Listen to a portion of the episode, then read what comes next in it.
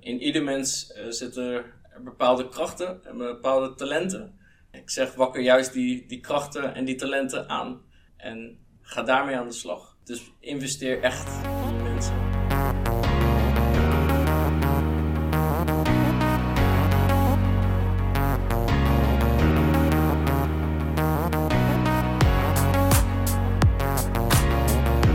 Welkom bij een nieuwe aflevering van Nieuwsgierige Gasten. Vandaag gaan we het ietsje anders doen. Vandaag zijn we namelijk, zijn we namelijk met z'n drieën.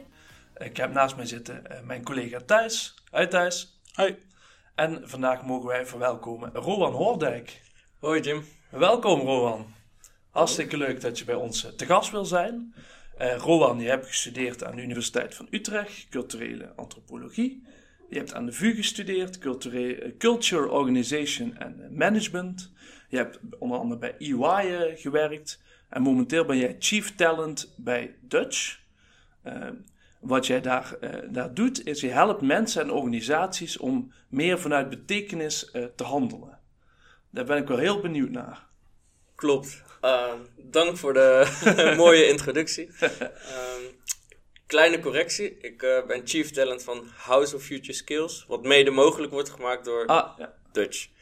Um, ja, wat ik daar doe en, en, en wat, wat House of Future Skills um, doet. Uh, wij zijn een bedrijf dat zich richt op individuen en organisaties om hen betekenisvol te leren werken.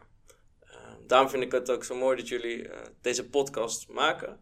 En waarin jullie mensen aan het woord laten rondom die betekeniseconomie, onder andere. Want ik denk dat dat heel goed past bij hetgeen wat, waar wij voor staan. Um, want ik zie verschillende trends in de wereld die effect hebben op organisaties, op de maatschappij en op individuen.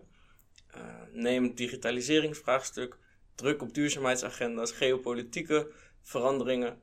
Um, daar moeten uh, wij allemaal iets mee. Uh, ik denk dat mensen bij uitstek uh, veel impact kunnen hebben op die veranderingen in het werk wat ze doen. Als je ervan uitgaat dat een groot gedeelte van onze week bestaat uit, uit werk, voor de meeste mensen, Ehm, denk ik ook dat je daarin uh, ook van uh, betekenis kan zijn en die impact wellicht zou moeten zoeken. Uh, vandaar dat ik zeg: oké, start dan ook met het werk voor die mensen betekenisvol en zinvol te laten zijn. Het, het, moet ten eerste voor die persoon en voor de individu ehm, logisch zijn om aan een bepaald vraagstuk te werken. Ehm, en als je dat weet vanuit jezelf, als je die why voor jezelf duidelijk hebt, dan is het nog eens belangrijk dat je het ook kan. En dat je de, de juiste skills krijgt. Uh, ligt dan volgens jou, ja, je hebt in jouw eerdere antwoord al een deel van het antwoord uh, uh, gezegd, maar ligt volgens jou dan de grootste kans als je echt richt op die sociaal ondernemers te ondersteunen? Of zeg je nee, zou je meer nog moeten richten op mensen die hier nog niet zoveel over weten en hun moeten stimuleren om meer betekenisvol te handelen? Ja, uh, klopt. En uh, wat we bespraken kort is, oh ja, het verschil tussen misschien die early adapters en, en de laggard. Ja. Um, ik vind het persoonlijk een uitdaging om uh, die laatste groep nu al mee te krijgen en te activeren. Ja. Uiteraard um, zijn die sociaal ondernemers ook, ook heel belangrijk. En, maar ik denk dat zij al voor, de, voor, het grootste gedeelte op de goede weg zitten. En ik wil juist het ook toegankelijk maken voor een grotere groep die het wellicht nog niet weet. En daarbij gebruik ik ook altijd het voorbeeld van Tony Chocoloni. Als eerste moet je gewoon goede chocolade maken die lekker is en verkoopt. En als je op de achterkant kijkt, dan zie je dat het ook nog eens heel goed is voor de mensen die eraan werken. En zo wil ik uh, het House of Future Skills ook graag positioneren. Mhm. Aan de ene kant maken wij mensen dus um, relevant en toekomstbestendig. Wat natuurlijk al heel belangrijk is. Uh, daarvoor komen mensen of organisaties naar ons toe. Maar aan de andere kant zien ze uiteindelijk ook dat ze met een nieuwe mindset um, rondom uh, betekenisvol uh, leren werken en zijn uh, weg, weglopen. En dat is natuurlijk ja, heel mooi meegenomen. Je hebt bij, bij EY heb je ook gewerkt met, met start-ups en die skill-ups. Heb je daar ook gezien dat, dat, um, dat zij ook een zoektocht hebben naar dat uh, purposeful uh, ondernemen. Is dat ook van, uh, van waaruit jij de House of Future Skills mede bent begonnen? mede wel. Ik werd vooral heel erg enthousiast als ik tegenover een start-up of scale-up founder zat. die niet per se sociaal ondernemer was. Gewoon al van, van, van zijn, e- zijn of haar energie en de passie. En dat zij ook hun kernwaarden op een of andere manier hebben vereenzelvigd met het bedrijf wat ze doen. Eh, de kunst is, eh, als je in je eentje bent of misschien met z'n tweeën, nou, dan, dan zijn, is het heel makkelijk om wellicht aan die kernwaarden vast te houden. Want Ja. dan is gewoon wie jij bent en wat jij doet, nou, dat, dat klopt. Maar misschien als je groeit naar een bedrijf van 10, 50, 100 of eh, uiteindelijk Mhm. 1000 man, dan wordt het misschien nog wat lastiger om jouw attitude en, en kijk op de wereld over te geven op de rest van, eh, van de groep mensen. Zeker als je allemaal mensen van, van buitenaf moet, aannemen die niet per se allemaal eh, vanuit binnen je eigen organisatie doorgroeien. Dus, dus, dus daar zie ik ook wel echt een, eh, eh, echt wel een uitdaging voor hen. En zou ik ook willen aanmoedigen. ehm, het is niet alleen handig om voor je eigen, voor, je eigen organisatie om, om me- makkelijke mensen te kunnen aannemen of makkelijke mensen te kunnen behouden. Maar het geeft je denk ik ook als organisatie aan zich richting in wellicht wat turbulente tijden. Ehm, en doordat ik dat zag, dacht ik wel, ja, enerzijds ondernemerschap is heel gaaf. En dat, eh, daarin zie ik ook zeker mogelijkheden om belangrijke uitdagingen te tackelen. Eh, en anderzijds was ik me wel van doordrongen, ja, laat ik dan wel van, van begin af aan beginnen en vasthouden aan die kernwaarden. En dat een leidraad laten zijn voor alles wat ik doe. Met, eh, met House of the Future Skills bied je eigenlijk een, een opleiding aan, aan, aan individuen om meer eh, purposeful eh, eh, te handelen. Hoe ziet, die, hoe ziet dat uit, zo'n opleidingstraject? Ehm, vanuit op dit moment ehm, proberen we het House of Future Skills vanuit die organisatiekant te belichten. Dus wij spreken nu met ehm, diverse werkgevers. Laat ons aan de slag gaan met die problemen waar jij mee zit. Door ons te focussen op de mensen die al daadwerkelijk bij jullie aan het werk zijn. En la- laten we kijken hoe we hen kunnen repurposen, reskillen en eh, upskillen. Wat Dus betekent dat? ja, repurposen gaat dus over eh, eh, dat, dat mensen wellicht weer opnieuw aanwakkeren van, oh ja, waarom doe ik dit werk en waarom wil ik dit werk doen en, en hoe ziet mijn toekomst daarin? Hoe zie ik mijn eigen toekomst daarin? Ehm, en re- en upskillen betekent, nou, soms betekent het net wat meer digital savvy te worden. Hè? Dus dat je wat meer snapt over wat, wat die digitalisering voor jou en jouw bedrijf betekent. En soms betekent het echt ja, eh, in een transitie gaan naar een andere rol. Ook en waar je wellicht, eh, als je binnen de financiële sector praat, eh, waar je wellicht als hypotheekadviseur lang aan de slag bent geweest. En eh, wellicht ziet dat eh, door veranderingen die baan eh, of verdwijnt of voor Mhm. jou verdwijnt, dat je zegt, nou met wat, ehm, met die nieuwe mindset en met nieuwe vaardigheden, kan ik ook aan de slag als eh, een data-analyst binnen de energiesector. Oké. En, en dat betekent dan eigenlijk het, eh, het re-up en eh, reskillen. Repurposen, reskillen en upskillen. Ehm, dus voor nu is het nog voornamelijk gericht op ehm, vanuit de organisaties. Dus op de werkende mens. Ja. Maar uiteindelijk zou het natuurlijk fantastisch zijn als we ook de mensen die wellicht nog niet aan het werk zijn, kunnen bereiken. Oké, dat betekenisvol werken, dat is, dat is een breed begrip. Ja. Heb jij daar een soort van definitie van? Of wat is dat dan eigenlijk, dat betekenisvol werken? Ja, goed dat je dat vraagt. Ehm, ik denk ten eerste dat betekenisvol eh, voor ieder persoon iets anders kan betekenen. Ehm, ik las gisteren bijvoorbeeld een eh, artikel over de generatie Z. En dat ehm, mensen eh, die generatie bij uitstek toedichten dat zij heel purpose-driven en betekenisvol gericht zijn. En dat ze misschien zelfs purpose boven salaris eh, verkiezen. Ehm, ik denk daar iets anders over. Ik denk dat ehm, eh, betekenisvol niet toe te dichten is of exclusief is aan een bepaalde generatie of groep mensen. Ik denk dat het meer een state of mind is en ehm, eh, misschien een fase in je leven. Dat, je, dat het wat meer aangewakkerd is, dat je weet waar jouw intrinsieke motivatie zit. Nou, en dat aanwakkeren en weten waar je intrinsieke motivatie zit, oftewel weten welke kernwaarden voor jou belangrijk zijn, ehm, ja, dat is bij uitstek iets wat ik eh, wil beogen. Dus voor mij gaat het echt om, ja, waar sta je voor en waar wil je naartoe? Oké. Is betekenisvol eh, werken, is dat een van die eh, skills? Of leiden die, die future skills allemaal tot het betekenisvol werken? Ja, goede, goede vraag. Ehm, eigenlijk leun ik hier een beetje op Simon Sinek, die, die ehm, purpose ook hoog op zijn agenda heeft staan, waar hij veel over praat. En hij zegt eigenlijk, ja, purpose dat is onze stip aan de horizon of onze rode draad in ons leven, in ons werk, waar we ons aan vast kunnen houden. Het is iets waardoor we weten, ook al wordt het soms moeilijk, vanuit een organisatieperspectief, maar ook vanuit een individu-perspectief, weten waar we voor staan en dat we door blijven gaan, no matter what. Ehm, dus voor mij is, ehm, ja, zo, zo zie ik dus ook uh, eigenlijk purpose. Het is eigenlijk die rode draad die uh, door alles wat je denkt, doet, weet, ehm, zou moeten lopen. Dus voor mij betekent het naast het leren van die skills, ja. bijvoorbeeld digital, sustainable, soft of business, dat als een rode draad die, die purpose er doorheen loopt. En dat je weet waarom je het doet. Dus dat je bij ons de skills uh, leert en daar uiteindelijk ook positieve impact mee kan maken. Want je kan ook die skills leren en totaal een andere richting op gaan waar wellicht mensen, natuur en planeet niet zoveel aan heeft. Mm Ja, daar, daar, ben ik wel benieuwd naar. We hadden in ons voorgesprekje hadden we het ook over die, die grote uh, organisaties. Mhm. Je hebt daar onder andere uh, gesprekken gehad met een aantal CEO's over jouw, jouw verhaal, over, jouw, over het House of the Future Skills, uh, zeg maar. Zou je daar wat meer over uh, kunnen vertellen? Hoe reageren die CEO's op, jou, op jouw verhaal bijvoorbeeld? misschien een kleine nuance. Het waren leidinggevenden binnen, okay. binnen, binnen bedrijven, dus niet zozeer de CEO's.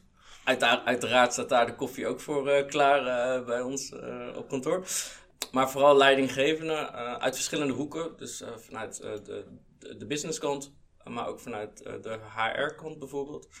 En wat ik merk is dat zij met verschillende dilemma's zitten. Ja. dat ga, zij worden bijvoorbeeld getriggerd door thema's als duurzame inzetbaarheid. hoe zorg ik dat mijn medewerkers mee kunnen met die nieuwe strategie die we hebben bedacht? Omdat we meer over moeten naar een digitale organisatie. Omdat onze klanten wat anders van ons verwachten. maar zij kunnen ook getriggerd worden door de engagement van, uh, van medewerkers. Hoe zorg ik nou dat ze wat meer betrokken raken? Ja. Uh, dat ze graag bij ons willen blijven werken. Dat het verloop van medewerkers ook minder uh, groot is. En dus aan de andere kant, hè, hoe trek ik ook eigenlijk de juiste mensen met de juiste skills aan? Nou, dat zijn eigenlijk de triggers waar ik het met ze dan over heb.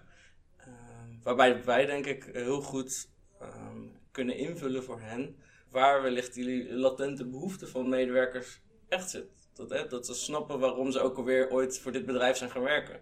Dat ze snappen wat hen zelf drijft en hoe dat uh, te vereenzelvigen is met de organisatie waar je werkt. We hadden het net over de, de, dat jij nog nu op organisaties uh, richt en dan kijkt of jij mensen uh, met, die, met dat upskillen en hun purpose uh, zoeken, zeg maar, kunt, uh, kunt helpen. Ik, ik kan me voorstellen dat het ook wel eens voorkomt dat jij met organisaties in gesprek bent met mensen die daar nog niet zo, zo bekend mee zijn, of daar misschien meer onmogelijkheden zien in, in jouw verhaal. Kom je dat vaker, vaker tegen? Ja, dat is, dat is inderdaad wel een, een, goed inzicht. Um, uiteraard uh, denk ik dat er overal een kentering plaatsvindt. De, de, de, mensen kunnen nu in de supermarkt uh, al wat meer sociaal ondernemers tegenkomen. En ook buiten die supermarkt kunnen ze dat vinden, gelukkig. Um, maar wat je zegt, niet iedereen is hier per se mee bezig. Dus wij willen ook absoluut niet um, een vingertje omhoog houden van nou, zo moet het en dit, is de, dit is de enige manier.